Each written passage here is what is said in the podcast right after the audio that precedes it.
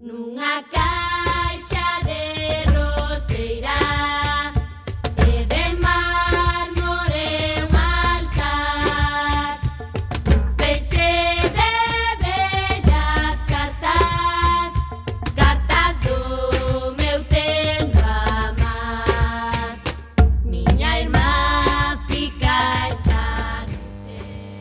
Ola, que tal, recendeiras e recendeiros? Benvidas a este espazo radiofónico semanal dedicado á cultura que facemos en rigoroso directo todos os martes a 7 da tarde aquí na Coac FM no 103.4, a radio comunitaria da Coruña.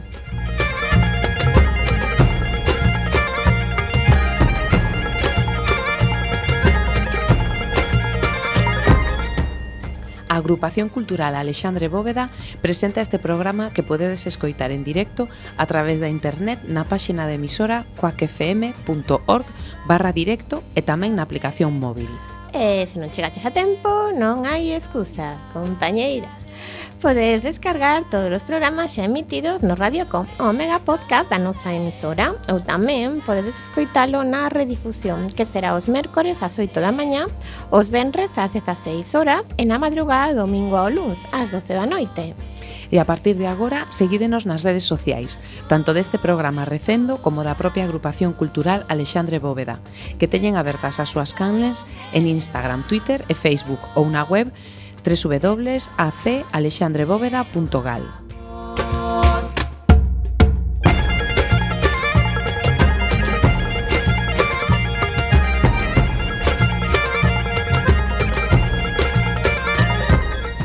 E eh, xa sen máis, imos cararo na procura desta fantástica aventura cultural con Roberto Catoira no control técnico e aquí, falándolles coa Almanteira, estamos na locución Naza Roca e Gema Millán.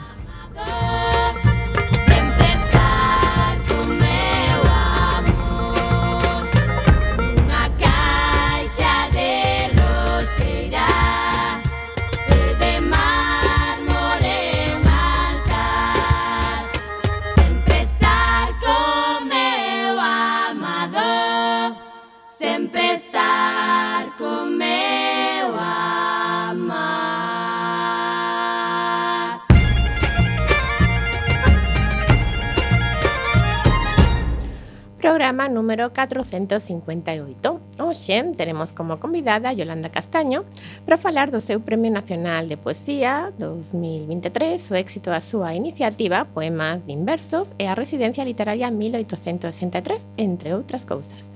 E eh, como non podería ser de outro xeito, na sección de Poesía Galega de hoxe, estamos plenas de emoción poética e recitaremos en directo un poema da Yolanda Castaño.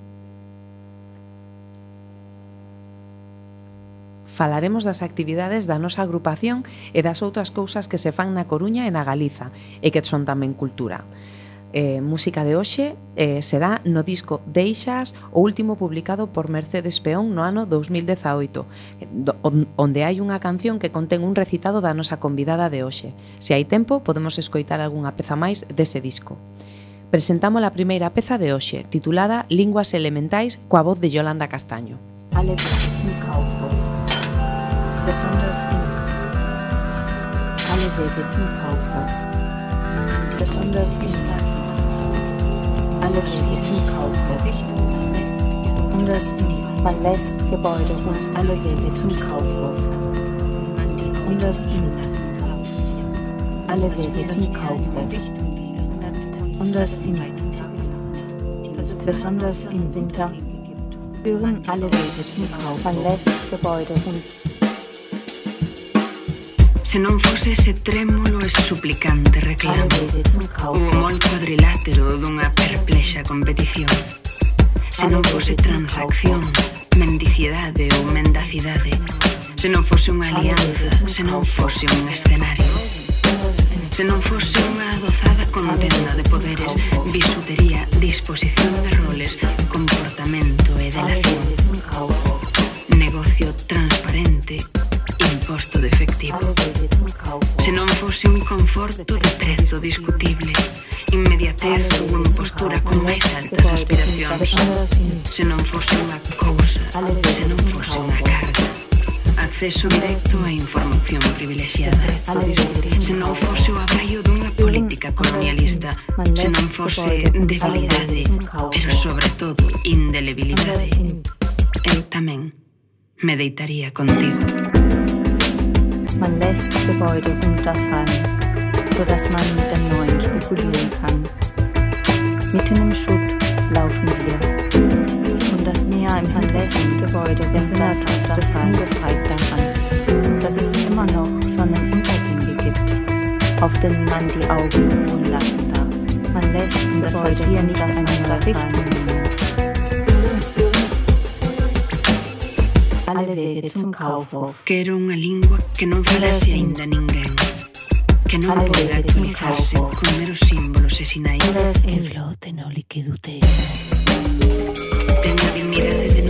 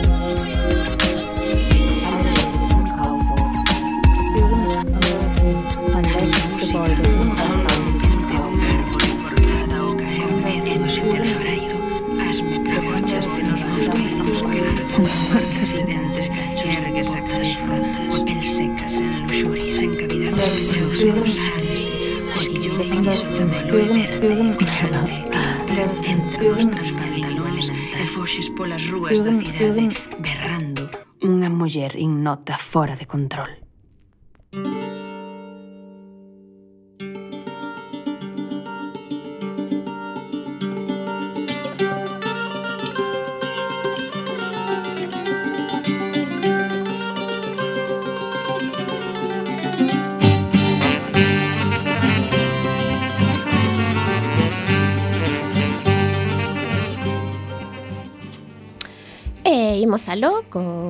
programa sempre coa axendas culturais desta semana. Principiamos, como temos por costume, coa axenda Cultural da nosa agrupación cultural Xandre Bóveda.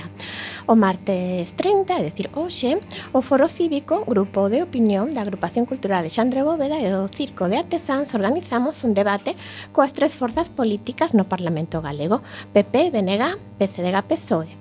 Polo PP asistirán a Cered Zendán, polo BNG Mercedes Queixas e polo PSDG PSOE Silvia Longueira. Este debate será moderado polo xornalista Antón Luaces, será serás 19.30 horas, está sendo, vamos, no local do Circo de Artesáns, pero esta vez no Salón de Actos da Planta Baixa, Santo André número 36. Mañá mércores acollemos a presentación de 112 viaxes na miña terra, de Xoan Colazo, editado por Sermos Galiza. Colazo leva publicando crónicas das súas viaxes pola terra desde o nacemento de Sermos Galiza en 2012. Fixo como integrante do colectivo Xea, formado por el mesmo Adelada Leiro e Monda Porta. Acompañará o autor nesta presentación Xoan Costa, presidente do Consello de Administración de Sermos Galiza, e será ás sete e media no noso local. O xoves día 1 o crítico de cinema, programador e produtor Martín Powell ofrece, dentro do ciclo Outras historias de cinema, unha palestra dedicada a Ida Lupino, actriz notável asociada a clásicos fundamentais do cinema negro como a Rush, Nicolas Rey ou Fritz Lang. Ida Lupino foi a única muller que conseguiu estrear longas propias de ficción na América dos anos 50. Será ás 19.30 horas no noso local. O luns 5 preséntase no noso local o libro Furia, de María Reimóndez, editado por Xerais. A obra é unha reflexión sobre os afectos e o valor verdadeiro, e un canto de amor ao boxeo. Na presentación, a autora estará acompañada por Bárbara Guevilariño, xornalista, Alba de Lucía Vázquez, afeccionada ao boxeo, e Sara Vila, responsável de comunicación de Xerais. Será ás sete e media no noso local da Rúa Santo André 36, primeiro andar.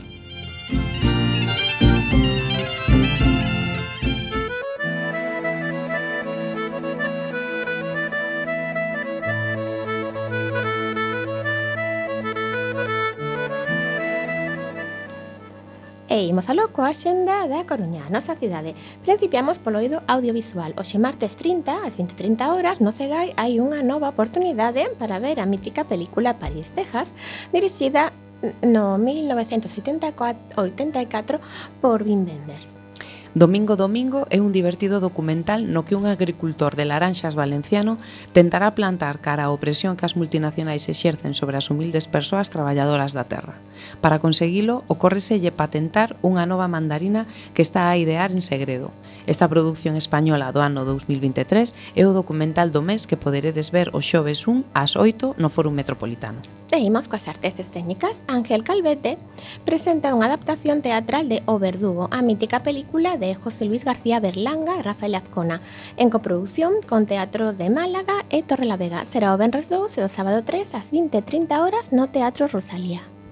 O humorista Joaquín Pajarón, icona da, na comedia asturiana contemporánea, desembarca no Teatro Colón co seu último monólogo titulado Aquí supercentrau, despois do éxito de En demasía.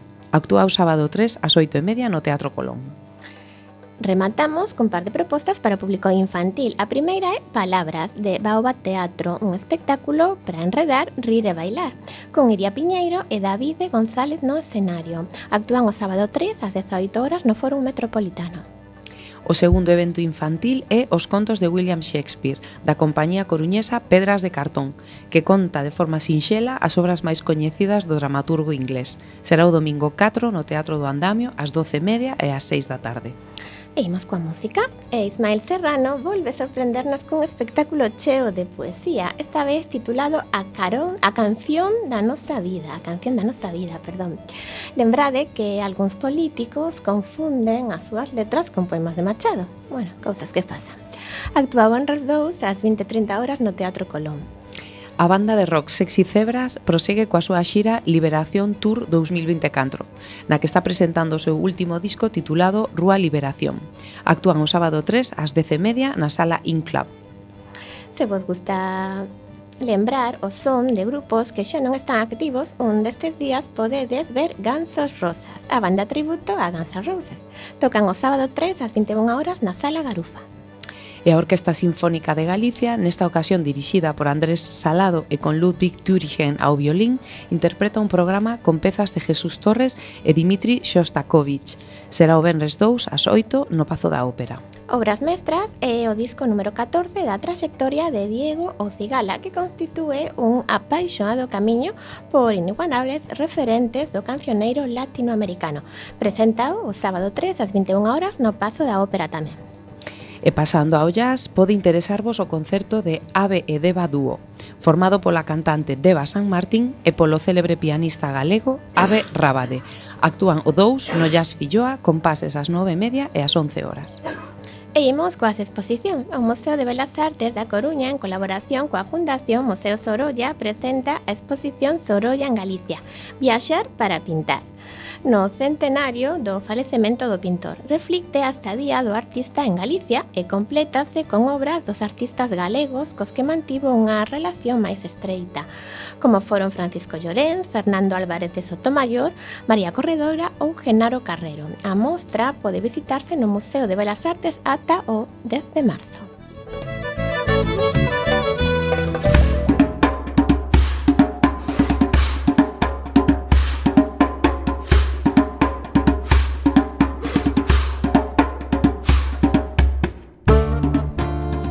E pasamos agora a mm, eh, explicarvos a Axenda de Galiza.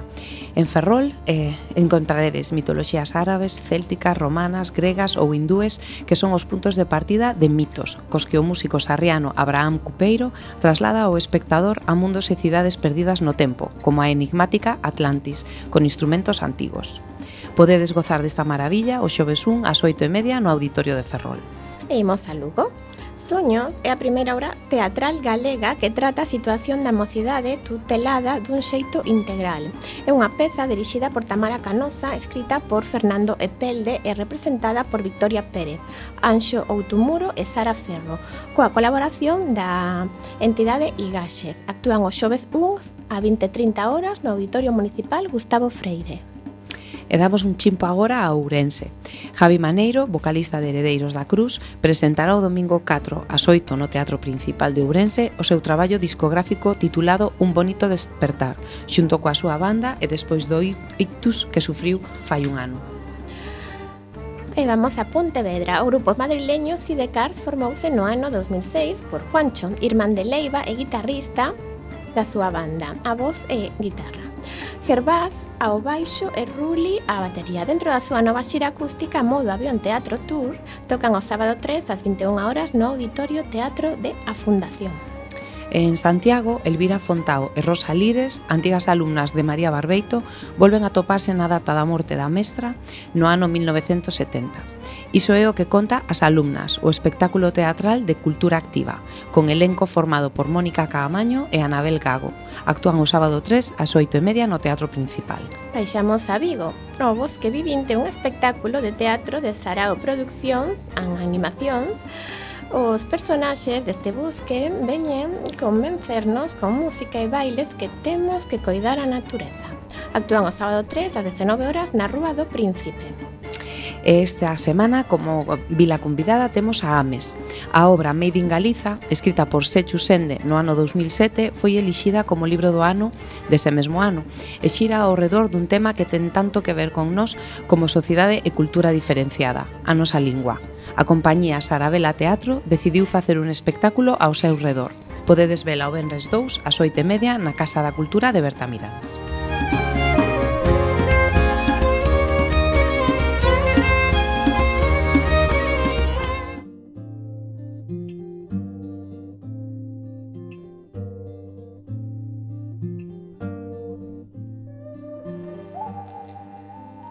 A esa matria hai que engadirlle un pouco de experiencia e un pouco de evasión.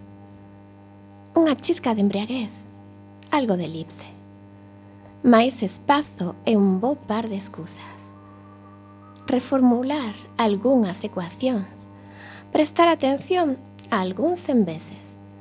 Exploración, encontro, poder eclosionar de cando en cando.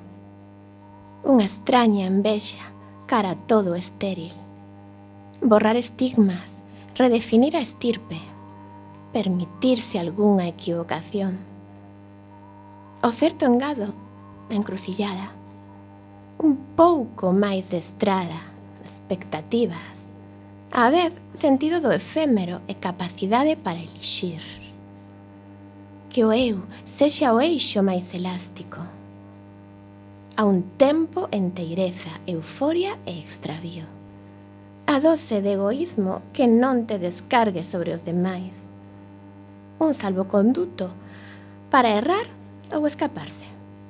Habería que meterlle un suave aire errático. Enigma, equilibrio, escándalo, emancipación.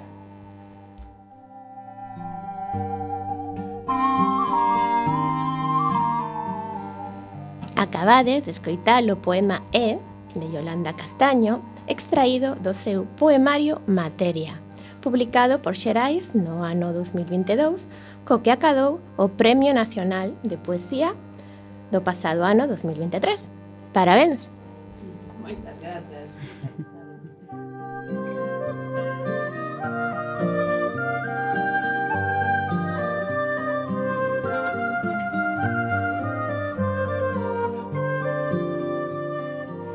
Ainda que xa oístedes, vou presentar agora a nosa convida, a, a nosa convidada, que se non estamos trabucados, xa nos visitou dúas veces. A última foi durante a pandemia, cando adicamos o programa a Xela Arias, que por estas datas recibía a homenaxe do Día das Letras Galegas. Nesta ocasión, eh, a nosa convidada é ela, é a protagonista por dereito propio, pois o pasado verán recibía o Premio Nacional de Poesía. Moitos xa sabedes que se trata de Yolanda Castaño, como dixo a miña compañeira Gema, gañadora do devandito premio polo seu poemario Materia. Yolanda Castaño é a terceira poeta galega en gañar o Premio Nacional nos últimos cinco anos xunto con Pilar Pallares e Olga Novo. Todo un orgullo para a nosa lingua e a nosa literatura. Yolanda Castaño comenzou moi nova cando con 17 anos gañaba o certame Fermín Bouzarrei de Poesía, un premio que sería o primeiro de moitos máis. Destacamos, por exemplo, o Premio Nacional da Crítica do, do 1999, o Premio Espiral Maior no 2007, Premio Ojo Crítico no 2009 e, como xa dixemos, o Premio Nacional de Poesía do pasado 2023, nada menos. No mundo da edición debuta no ano 95 con Elevar as pálpebras, que tería continuación con Delicia e vivimos no ciclo das Eurofanías. No 2000 no, no, 1998. Xa estamos no, noutro século. O libro da egoísta no 2003, Profundidade de campo no 2007 ou a segunda lingua no 2014, ata chegar a acadar insistimos, o Premio Nacional de Poesía do pasado ano 2023 co poemario Materia, editado por Xerais no 2022. Yolanda Castaño, unha creadora prolífica, non só polos seus poemarios, senón tamén polas súas incursións no audiovisual, no mundo do cómic, na música, onde ten colaborado con xente como Guadi Galego, Rosa Cedrón ou Isaac Garabatos.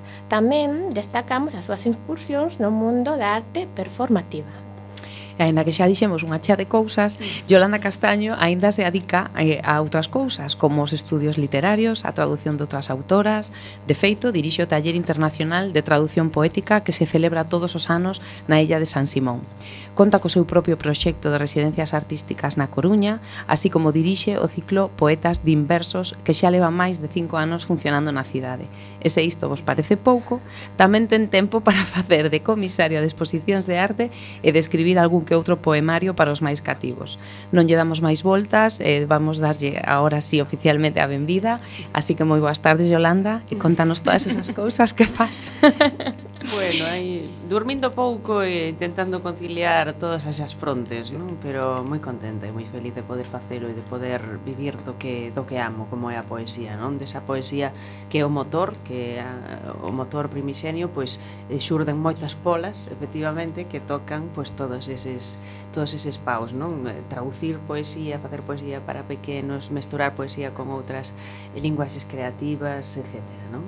Eh, eh, bueno, agora como está de rabiosa actualidade o, o Premio Nacional non de por materia. Eh, foi un como pensas que foi complicado para ti cos antecedentes? Porque xa foras finalista e, e recentemente xa o gañaron Pilar Pallares e Olga Novo. Considerabas que era complicado? A ver, a min personalmente sí me pareceu moi complicado. Xe xa, eu a calquera lle diría que acadar o Premio Nacional é super difícil Vamos, eu vivino así. É certo que ti dis que, bueno, pois pues que podían haber certos antecedentes, está é moi agudo pola túa banda ver que, bueno, pois pues que co, comeu inmediatamente anterior poemario xa fora finalista, chegara a última ronda porque hai como varias rondas de, de votacións e todo así como moi eh, complicado e eh, chegar a, a última ronda e, eh, bueno, pois pues a verdad que estaba tendo así unha carreira decente con unha proxección internacional tamén eh, pois non, non mal, eh, etc. Pero, bueno, eh, trátase moito de, non sei, tamén de estar no momento xeitado, no lugar preciso, de mm, ter unha eh, grande entrega non a, a este oficio. Eh, bueno, eu creo que todo, todo sumou non pois, eh, diferentes detalliños que sumaron dende a promoción da propia escrita eh, poética, traducción, eh, divulgación, E, e bueno, e xa supoño que tamén pois, os 29 anos de, de carreira que, liba, que levamos ás costas. Pois claro. e, e tiveches ocasión de falar co xurado, de comentar eh, cales foron os aspectos que máis lles eh, levaron a... Pois pues mira, confeso che que estou desexando. Ainda non chegou o momento. Non chegou o momento, porque, claro, tamén sería un pouco forzar as cousas, non? Que vas facer? Eu non, eu non, non sei quen son, non os coñezo, non? Eh, creo que coñezo a unha persoa ou dúas de, oh, de todos eles, non?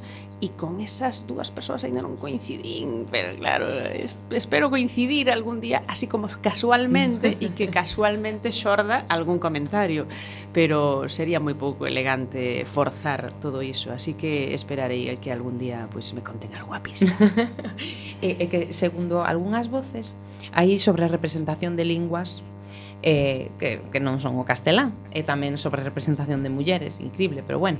Eh, que lle podemos dicir a esta xente? Bueno, eu que eu calculaba, claro, si, si até agora pois había unha porcentaxe tan minúscula, tan minúscula de mulleres, pois o mellor, imagínate, si esa pasou a, eh, poñamos por caso, un 30%, pois bueno, hai xente a que lle parece desproporcionada, claro. Outra cousa é como cualifiquemos a esas voces que lles parece desproporcionado un 30% de voces femininas, non? Pero sempre segue sendo eh, menos da metade, claro, des, moito menos da metade, non?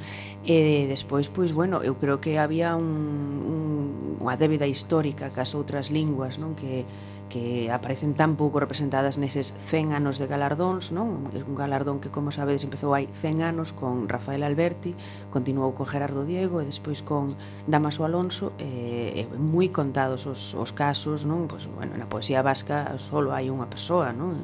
En todo este tempo, nestes 100 anos, así que, bueno, eh, creo que está eh, é un comentario abondo injusto. Eh, bueno, son casi 30 anos de carreira, xa comentabas ti.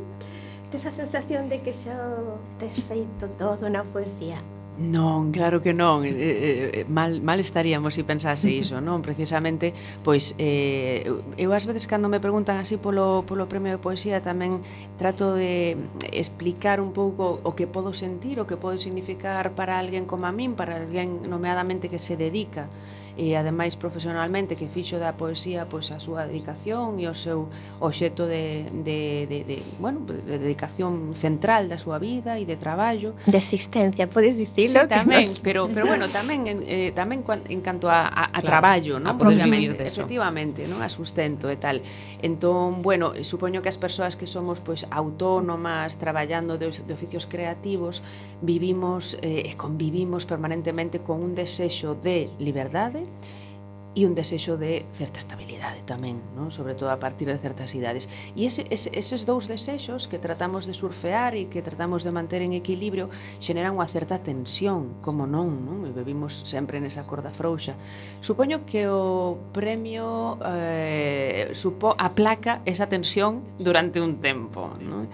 Entón, nese sentido, pois eh, creo que podo acougar susto só nese sentido, non? De vanme chamar, non me van a chamar, debería propoñer algo, debería mm, preparar un proxecto, debería, debería mm, non debería durante un tempo pois eh, van a, a contar contigo, van a, a chamarte, vas a ter traballo, non? Que ao final é o que desexamos que nos dedicamos algo así poder traballar, é a única aspiración, traballar.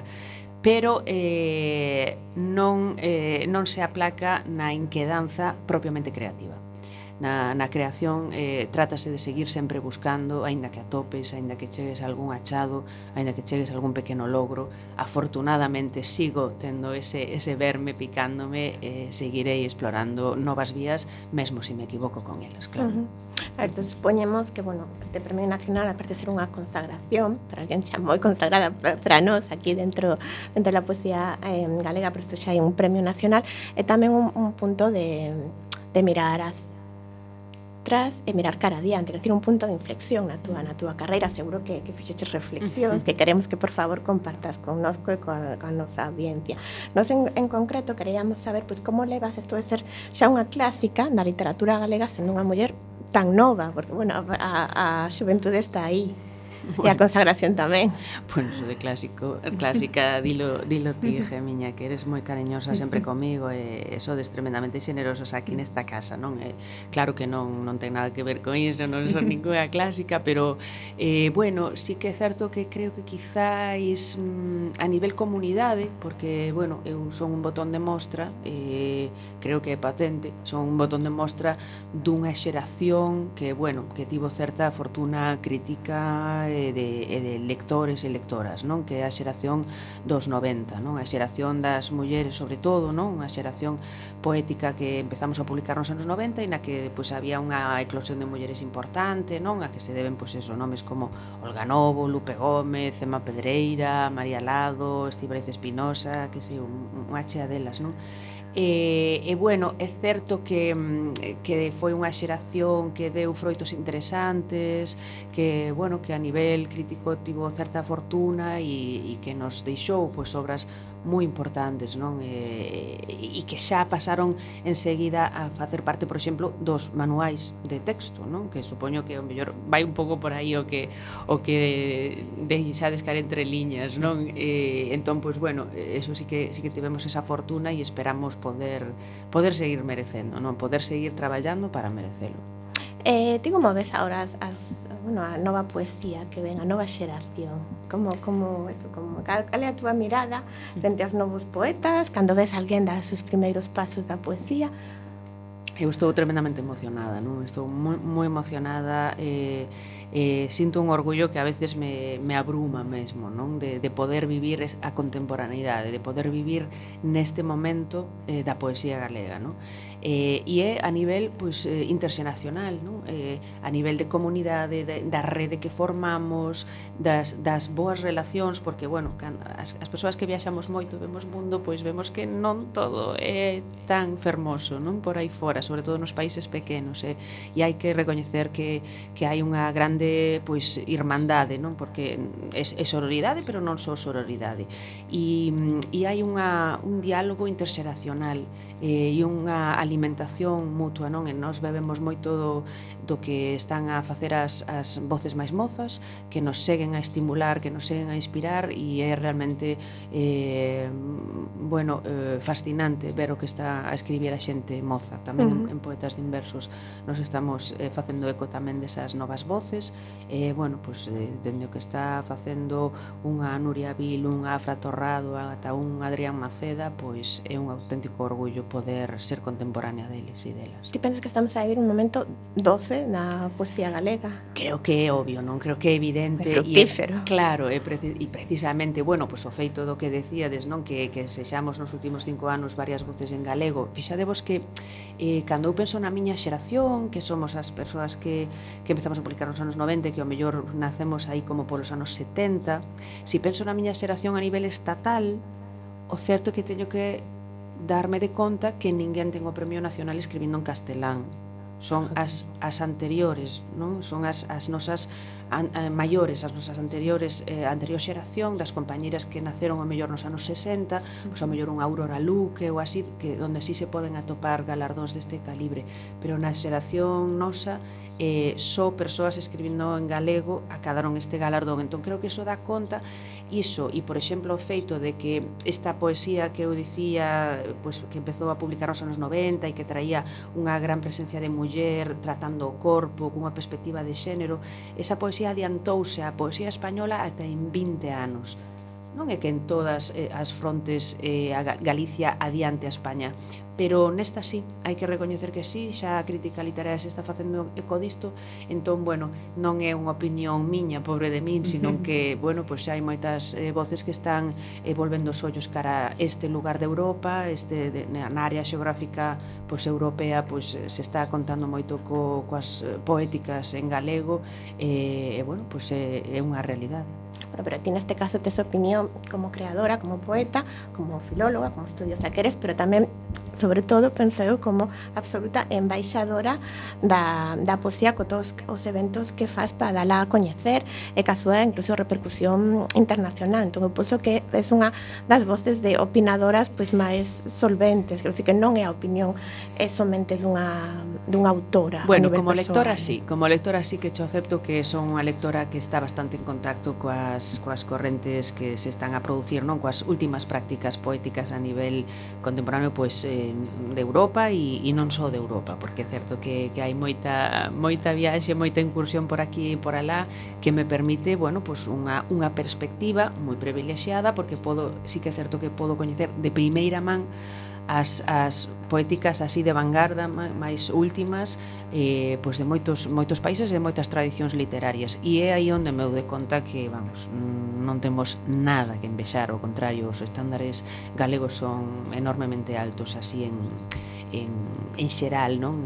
en proporción, claro que sí. Por exemplo, falábamos antes do de poetas de inversos, cantos anos, di Sacapeito, cantos anos. 15 anos, Vasco. sí, 15 anos, eran 15 anos. e, e, e como sí. empezou ese xerme? Contanos, por favor. Bueno, é un, formato moi sinxelo, moi moi puro, non? Porque eh, non hai que esquecer que, que a poesía ten esa faceta oral que foi pola que naceu realmente, a poesía non naceu para para aparecer nestes libros eh, que ninguén colle da biblioteca a veces que tardan en, en circular de man en man sino que a, na, a poesía naceu para ser cantada non?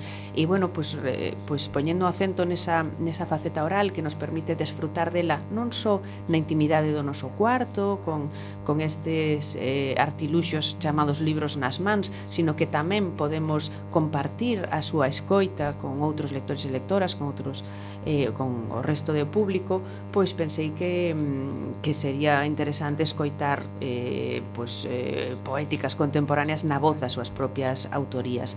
E ademais, eh, poñer en valor todo o que se está facendo aquí e eh, facer do galego a lingua anfitrioa das poéticas do mundo facendo que estas pois, soasen aquí en Galicia e eh, ademais a tra traducidas á nosa lingua non? De maneira que sempre eses diálogos poéticos consisten nunha voz en galego e outra de calquera lugar do mundo e así nos teñen visitado premios Pulitzer de poesía candidatos ao Nobel, premios Cervantes, Reina Sofía poetas en zapoteco, poetas en occitano, en éuscaro, en eh, canarés, poetas de Nova Zelandia, de Irak, de Australia, de Cabo Verde, do Chad, de Irán, de unha chea de, de lugares, non unha eh, cita mensual coas mellores poéticas contemporáneas eh, de Galicia e de fora dela.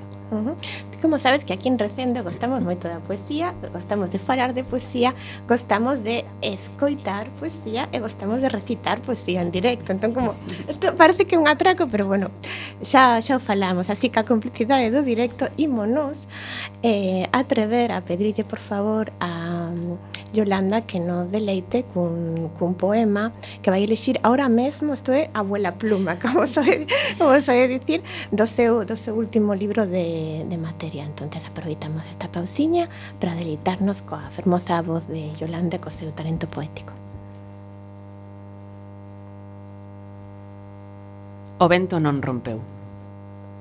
Entón rimos, rimos por encontrarnos, igual que riramos cando nos encontramos por vez primeira, e choramos Tamén choramos por todo canto perdemos as mans, os xeonllos pegados, a louza fumeante da lealdade, xardíns, o lume das palabras, emulsionarmos xuntas a disidencia.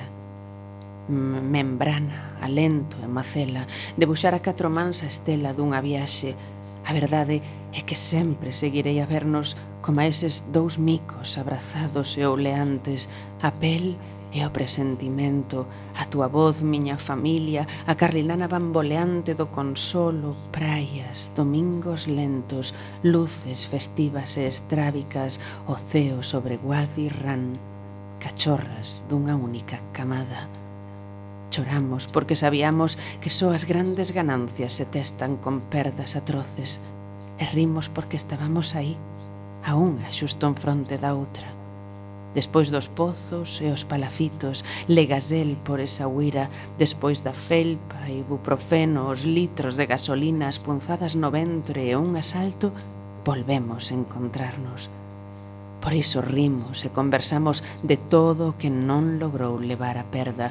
O vento non rompeu o camiñado, eu sempre me sentirei unida a ti. Bueno, impresionante. Precioso. Non sei se, se non sei se Roberto nos deixa aplaudir na radio, sí. pero nos imos vos aplaudir. Pero si, sí, eu xa fixen o, o, o signal. sí, sí. Foi moi bonito. Gracias. Moitas gracias a vos. Eh, eh, como xa estábamos a falar das residencias, eh, para a xente que non somos deste mundo, eh, que é o que fan estes, estes artistas na residencia? E, todos gostan destas condicións creativas? Contanos un pouco como, como se argalla e como, como sucede. Hoxe en día cos ritmos eh, que nos impón este sistema no, no capital no? eh, terrible eh, eh, bueno, todo este, esta vida frenética na que vivimos é moi difícil conciliar eh, moitas veces vida profesional, vida persoal e vida creativa, xa que, bueno, eh, segue sendo un difícil equilibrio, non? Así que estas persoas durante estas oportunidades que se lles brindan como un balón de oxígeno, como un aparéntese, pois eh, afástanse durante un mes das súas eh, obrigas diarias, dos seus quefaceres e tamén das súas distraccións para mergullárense a fondo nas, no seu proxecto creativo, darlle ese empurrón definitivo a unha novela, pois a bosquexar o seu libro de poemas ou darlle estructura a unha peza dramática, non? pois eh, patrocinadas por entidades estranxeiras ou, ou, ou de fora de Galicia ou, ou de non tan fora de Galicia destinadas á promoción das letras pois eh, quedan con nós nese retiro creativo da Rúa Rego de Auga para, para mergullarse nese proceso creativo e sentírense escritores ou escritoras 24 horas ao día. Ao mesmo tempo, compatibilizan un pouco iso ás veces ese momento de introspección e de inspiración con toda a rica vida cultural que temos afortunadamente na Coruña e do que dades boa conta nesas axendas culturais magníficas eh, e iso tamén moitas veces enriquece o seu propio proceso creativo. E non, non é moi exixente eso, quero decir, non pode ser que algún artista se, sente, se senta frustrado ou ou o pase mal, bueno.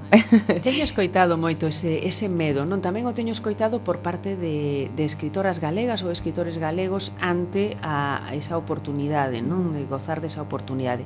Pero ás veces tendo a pensar que é un pouco como poñer a venda antes da ferida, non? Cando encontramos problemas no... Encontramos, parecemos encontrar problemas no paraíso cando, cando llevemos a, a, a desvantaxe a ter unha oportunidade de ouro. Creo que, bueno, eh, son tan escasas, desafortunadamente, esas, esas oportunidades, eses espaldarazos, que creo que se as tomamos con unha certa conciencia e un certo sentido da responsabilidade, seguro que xa imos tan condicionados non a, a disfrutar desa oportunidade e de, desa estadía que, sen dúbida, eh, nas condicións de excelencia, alguén que está preparado e que tenga vontade de escribir, estou segura de que vai encontrar esa inspiración.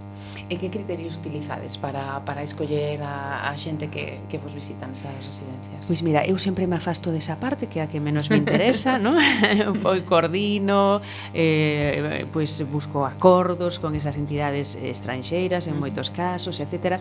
Pero, eh, bueno, acompaño, por suposto, os escritores e escritoras, pero xusto eh, prácticamente nunca fago parte dos comités de avaliación. Aí montamos pequenos xurados, comités de avaliación, a veces veñen montados 100% por parte deses países, claro, que son donde poden valorar eses traballos, caso de que sei eu, pois eh Checlit ou, ou a institución de cultura checa, pois valora eh, traballos escritos en lingua checa para ver quen é a escritora ou escritor checo eh, que vai ser beneficiario desa oportunidade, claro, nos non poderíamos acceder a iso, entón a veces ven xa o, o xurado montado, pois neste caso imagínate pois dende Praga, non? Pero outras veces pois se montan xurados mixtos ou outras veces pois eh, Eh, son escritores galegos e galegas cos que eu contacto e as, os que lle cedo pois ese, esa responsabilidade de revisar unha serie de candidaturas que chegan en convocatoria aberta eh, pois, propoñendo un, unha memoria dun proxecto, eh, chegando tamén o seu currículum e unha carta de motivación para que observen pois cale a máis merecedora desta oportunidade. Non? E a túa propia experiencia en residencias por aí? Eh pois eh, debo de ser unha das escritoras galegas, se non a máis a, a, con máis eh, experiencias en residencia no estranxeiro, a verdade, desde hai moitos anos, pois eh, tiven gocei de algunhas en, en na illa de Rodas, cerca de Múnich, no, na provincia de, de Beijing, na zona rural de, de Beijing, en un castelo en Escocia, en, en Turquía, a beiras dun lago, en California, no medio dunha dun parque natural en, na Finlandia máis branca e nevada eh, sempre foron enormes espaldarazos para min. No? Aí eu sentín por primeira vez que alguén estaba axudándome de veras, axudando o meu proceso creativo, que, que se fornecía do espazo, do tempo e das condicións para que eu sacase adiante a miña obra de creación. Até entón, aquí tiñamos un temos, sobre todo, pois sistema de, de premios, non? certames literarios, premios que están moi ben, por suposto, non temos nada en contra dos premios, ao contrario, pero son máis ben unha palmadiña nas as costas a posteriori. claro. e unha vez que o escritor, a escritora pois eh, ten loitado e ten suado e se ten esforzado mm. dunha maneira moi individual e moi soa, moi solitaria para sacar adiante esa obra de creación conciliando con coa súa vida profesional e persoal, pois os premios son bueno, pois un recoñecimento que está moi ben, pero ás veces o cambio da paradigma pasaría por unha axuda durante o proceso de creación. Aí foi cando onde me cambiou a mentalidade por completo e non parei ata que ata que conseguín montar a miña propia residencia literaria aquí tamén. Bueno, parabéns por, por este proxecto pues sí. tan persoal e tan un parto tan difícil que sabemos que foi. Sí, foi foi tremendamente difícil porque bueno, despois de moitas longas por parte de diferentes administracións que, bueno, lles parecía ben, pero non o suficiente como para poñerse mans á obra, eh, eu como non son capaz de deixar pasar tantos anos e tantas longas e tantas longas, pois lieime a manta a cabeza como se doita facer e, e metinme eu mesma sin axudas públicas nin privadas de ningún tipo. Eso foi un esforzo pois eh, tremendo a nivel persoal eh, do que aínda nos estaremos recuperando, pero pero bueno, pagou a pena a aventura e creo que temos que ser valentes a veces e eh, implicarnos. Bueno, como supoñemos que para recuperarse destas tan audacias eh, literarias das que gozamos tanto o, o bueno, o resto do mundo, eh, supoñemos que o Premio Nacional axuda, imos volver a este Premio Nacional, e como xa escoitamos, bueno, do, do, dos poemas, a ver se temos a sorte de escoitar máis, eh, mm, podemos falar un poquinho xa, un pouco das, das críticas que recibiu este, este traballo. Entón, nos, en, en nas reseñas podemos ler cousas como adxetivos de radical, vanguardista, metafísica, feminista. Uh -huh. Que pensas ti deste, destes adxetivos ou, ou como definirías ti este, bueno, este poemario tan laureado? Bueno, a min costame un pouco porque sempre é máis fácil ver as cousas desde fora que desde dentro, non? Claro, para min eh, que sexa feminista ou que sexa radical é casi, bueno, conxénito, non? No sentido que como, como podería, eh, non sei, eh, sustraerme a miña condición de muller, non? eh, resultaríame moi complicado sería vivir nunha furna de cristal ou algo así ou ou non ser consciente non? Da, bueno, pois da, da, da cuestión de xénero e, e concibo sempre a poesía onde sempre a concibín así como un discurso que debe cuestionar non?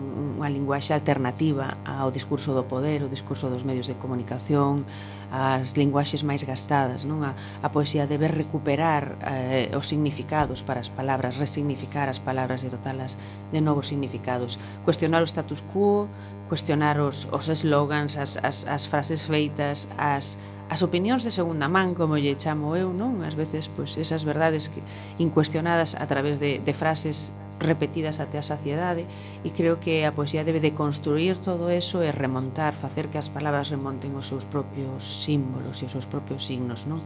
Así que, bueno, pois sempre vai ser un, un discurso cuestionador. E, no caso de materia, como xira en torno ao tema da familia, que era un tema que se estaba tocando moito e se segue tocando moito na literatura, eh, últimamente, pois era era de esperar que a miña perspectiva iba a ser pois un pouco crítica, un pouco cuestionadora. Eu, bueno, teño persoalmente teño a sorte de gozar dunha familia estupenda, pero tamén son debemos ser conscientes e permanecer alerta de que non é ouro todo que reloce, nin todo é de cor de rosa e que a, a familia pode ser un espazo de seguridade, pode eh, ser un espazo estimulante eh, que nos dé as para medrar, pero tamén pode ser moitas outras cousas e tamén pode ser un, un espazo de represión, eh, foco de traumas e de moitas cousas, por eso permanece, debemos permanecer, penso que alertas. Uh -huh. eh, bueno, nos aquí mergullando eh, en outras entrevistas que se fixeron para preparar esta entrevista, E, bueno, o noso, o noso querido reporteiro e xornalista de Recendo, Javier Pereira, que manda un saúdo dende aquí, sei que habeu nunha entrevista que se fixeron que ti definías a poesía como arte máis física a ver, ahora estás pensando en que contexto podes dicir isto, porque sabes como, como se fan as entrevistas, e se, que a veces extraense unha palabra que damos ca forza desa, desa palabra, desta imaxe. Que querías dicir exactamente? Como os defines a, o proceso creativo da, da poesía? Canto físico é? Eh? Porque polo, polo título deste poemario pensamos que evidentemente sí. Mm xa sei de onde pode vir ese comentario de que sí que teño dito moito que o xénero literario no que máis fala o corpo, no que máis implica o corpo. E sigo pensando, e de feito cada vez me interesa máis este, este tema e doulle máis voltas e, e, e sigo dándolle voltas e, e matinando alrededor del porque mm, eh, creo que, que é o xénero literario que máis comporta as sensacións físicas, non? pois as visuais, as táctiles, toda a sensorialidade, todo o que pasa a través dos sentidos, por exemplo, que se aloxan no corpo, claro. E cada vez me interesa máis eh, o feito de que a conciencia de que escribimos dende un corpo e creo que na poesía un dos os xéneros nos que máis se sinte porque ás veces, mm, bueno, quizáis na narrativa non tanto, no ensaio non tanto pero o feito de que escribimos dun, desde un corpo é moi patente na poesía que corpo é ese?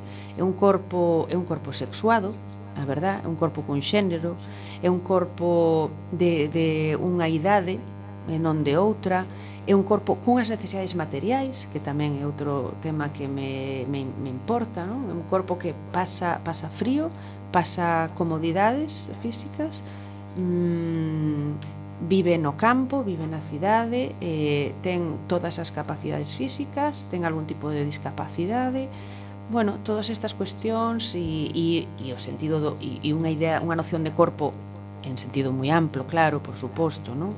Os seus, as súas fames, as súas sedes, as súas necesidades, as súas dores. Creo que eso é o que se fai sentir a través da poesía.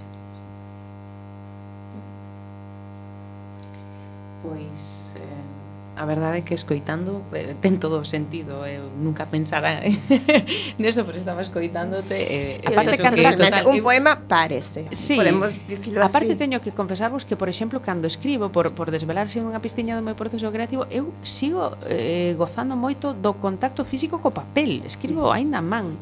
Hai xente que escribe directamente na pantalla do ordenador, pero non, non é o meu caso. Eu necesito aínda ese contacto físico co papel, que ver a tinta eh, correr pola, polo, pola páxina en branco, tocar cos meus dedos, eh, creo que eso tamén fai parte da sensualidade tamén sí, de todos sí. os aparallos que sí. Precisas para para facer un poema. Sí, sí. Sin embargo, é moi curioso eso porque ti como que tes unha teima por levar a poesía máis aló do papel, precisamente, non? Por, por que pase das páxinas, eh, traballas co audiovisual, co, son, co sonido, entón é, é curioso que... Sí, pero tamén son eh, son facetas do corpo, non? Porque mm. son o visual, o, o efectivamente o performático, o sonoro, non? Que tamén levalo a eses outros sentidos que non, non deixan de partir do corpo tamén, non? Pero si, sí, estás no certo, eh, non, non gosto tanto do, da poesía como cultura escrita eh, estritamente eh, reducida ou limitada ao formato libro, senón que, bueno, pois unha das magias e das capacidades da poesía é que poda eh, pois alcanzar o espazo pois, sonoro, escénico, etc. e se poda eh, consumir, ainda que non me gusta moito esta palabra, pero, mm. bueno, eh, pois, a través de outros formatos, eh, de outras canles. E pensas que todos os poemas son podense levar a, a eso, a outras canles, como a ti Eu diría que, que sí. sí. Eu diría que sí. O tema é como, e algúns dan, van dar máis claro. traballo, van a necesitar máis exploración de como darlle un novo soporte, a través de que maneira, ou quen, etcétera, pero algunha dimensión se lles pode dar. É como ilustrar poesía, ilustrar eh, literatura, e eh, pódese ilustrar pois que se cadra un poema se presta máis a ser ilustrado a través de unha música, outro pois dunha eh, dicción máis máis escénica, máis teatral, e outro a través dunha peza audiovisual. Que facemos? Coitamos outro poema de Yolanda. O que se che apetece a ti, nos encantadas. Bueno, esa, pues, por favor. Pois eu feliz, claro que sí. Eh, quero compartir un, un poema que, que fai un xogo intertextual cun poema de Idea Vilariño. Uh -huh Eh, que, que, precioso, acabame de emocionar porque vos é un parece precioso. Ben? Bueno, o, imagínate como é o de Idea Vilariño, sí, sí. non? Que ese poema que se chama Ya no, sí, precioso. Eh, que seguramente xa que gostades tanto do espazo sonoro, pois pues seguramente escoitaríades na sí. propia voz da autora, que é algo que, que pon os pelos de punta, sí. non? Esa, esa voz aínda temblorosa na que na que se despedía dese amor da súa vida, non? E de se despedía tamén das cousas que xa non iba a facer nunca máis. Eu aquí, eh, pois entrando en diálogo un pouco con ela, reescribín esa, esa idea, pero despedíndome das cousas que non alcanzarei a facer en un, nun futuro porque non chegarei a ter eh, ningunha filla, porque así o decidín, pero, pero bueno, esa, esa renuncia pois sempre tamén comporta algún tipo de dúbida, de contradicción, etc.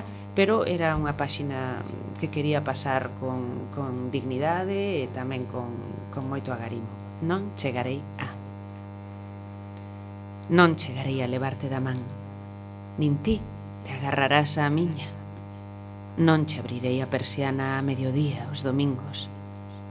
Non me arrincará da cama ningún alarido co teu rostro. Non chegarás a murcharme a pel. Nunca deterás a miña viaxe. Non che comprarei un pardal, nin serán teus os muros que me custaron tanto. Nunca saberei quen és, que significaría amarte Non chegarei a saber se era así como dicían. Non adiviñarei que, nin como, nin canto, nunca. Non me sarruberás o tempo, ninguén me buscará en ti, non serei máis ca eu para sempre. Non te verei facer o que amas tan profundo, non coñecerei os teus fillos bañados polo sol un mes de agosto, non sosterás o meu pescozo non me apagarás a luz. Bueno, precioso outra vez. Precioso. Eh, bueno, normalmente estamos rematando xa, Yolanda, mm. nosa, na, na última pregunta dos convidados pois pues, ser productas que nos conte os seus proxectos de, de futuro. Uh -huh. eh, bueno, seríamos falar deso, pero aquí hai unha poeta lle a licencia de que fale do que queira e que se despida con boquebra audiencia e se pensas que houbo algo que non falamos que fora importante, pois pues, agora é o momento. Porque temos tres minutos. Bueno, dous, como, dous, dous un, uh, acaba de decir Roberto. Nada, bueno, como, bueno. Que... Nada, como é tan pouquiño, só vos conto que agora este febreiro encara un mes de visitas da, a institutos de secundaria, que é moi importante fomentar tamén o gusto pola poesía na rapazada, adolescente, neste caso por institutos de Castela e León, e que felizmente teño en carteira no horizonte un novo poemario que vai sair a finais de 2024 porque gañara o Premio González Garcés eh, aínda estaba sen publicarse, se publicará a finais de, deste ano, así que de tantos anos sin publicar un novo un novo título, pois agora casi casi dous seguidos. E pois eh, como gañara o premio de ensaio Ramón Piñeiro, pois tamén se publicará o meu primeiro ensaio, a primeira incursión miña no, no ensaio, pois en maio en, en baixo selo de Galaxia, un, un libro sobre economía e poesía, rimas internas, pois eh, no que tamén abriremos eh, grandes melóns sobre vivir da poesía. bueno, pues a ver se temos a sorte de que veña a presentarnos este libro e falamos máis. E a escoitar como repitas en directo. Pois, eh, moitas gracias. Gracias, gracias. Un placer, un gustazo. Ese tempo para máis odiseas imos chegando a fin do camiño deste recendo. Despedimos o programa de hoxe ¿eh? agradecendo a nosa convidada que, como sempre, pois foi de honra. Hoxe tivemos o placer de falar con Yolanda Castaño, Premio Nacional de Poesía 2023 e agradecendo a semente e pedra angular de todo o noso comando e equipo de producción formado por Javier Pereira, Gemma Millán e Roberto Catoira. E aquí estivemos disfrutando en Roberto eh, Catoira nos controis, e co Alento no micrófono, Naza Roca e Gemma Millán.